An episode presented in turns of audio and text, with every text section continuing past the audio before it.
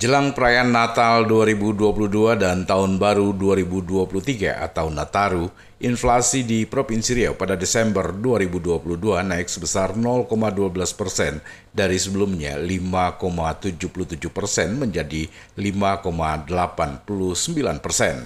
Hal ini disampaikan Sekretaris Daerah Provinsi Riau SF Haryanto Senin pagi usai rapat koordinasi pengendalian inflasi daerah di Provinsi Riau. Lebih lanjut SF Haryanto mengatakan Kenaikan inflasi di Provinsi Riau disebabkan beberapa faktor, seperti kenaikan harga bahan bakar minyak bersubsidi, termasuk kenaikan bahan pokok beras, cabai, dan lainnya.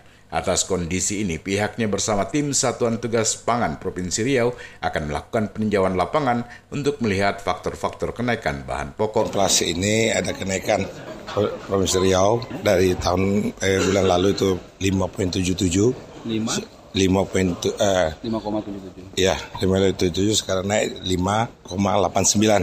Hmm. Ada kenaikan 0,12 persen. Ya mungkin ada kenaikan di situ dari dampaknya dari kenaikan bahan bakar, beras dan cabai rawit, cabai keriting ya. Itu mungkin banyak faktor-faktor lainnya.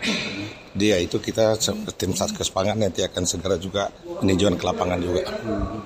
Langkah-langkah antisipasi? Ya langkah-langkah antisipasi ya itu kita kita ada peninjauan ke lapangan dan kita lihat nanti harga-harga yang betul-betul naik ada kenaikan hmm. ya dan itu nanti kita koordinasikan dengan tim semua satgas nanti bulog semuanya dan apabila ini nanti kalau terdapat kekurangan maka kita di, dimungkinkan untuk meminta bantuan kepada uh, ke Badan Ketahanan Pangan Nasional hmm. dan mungkin surat kita ke sana.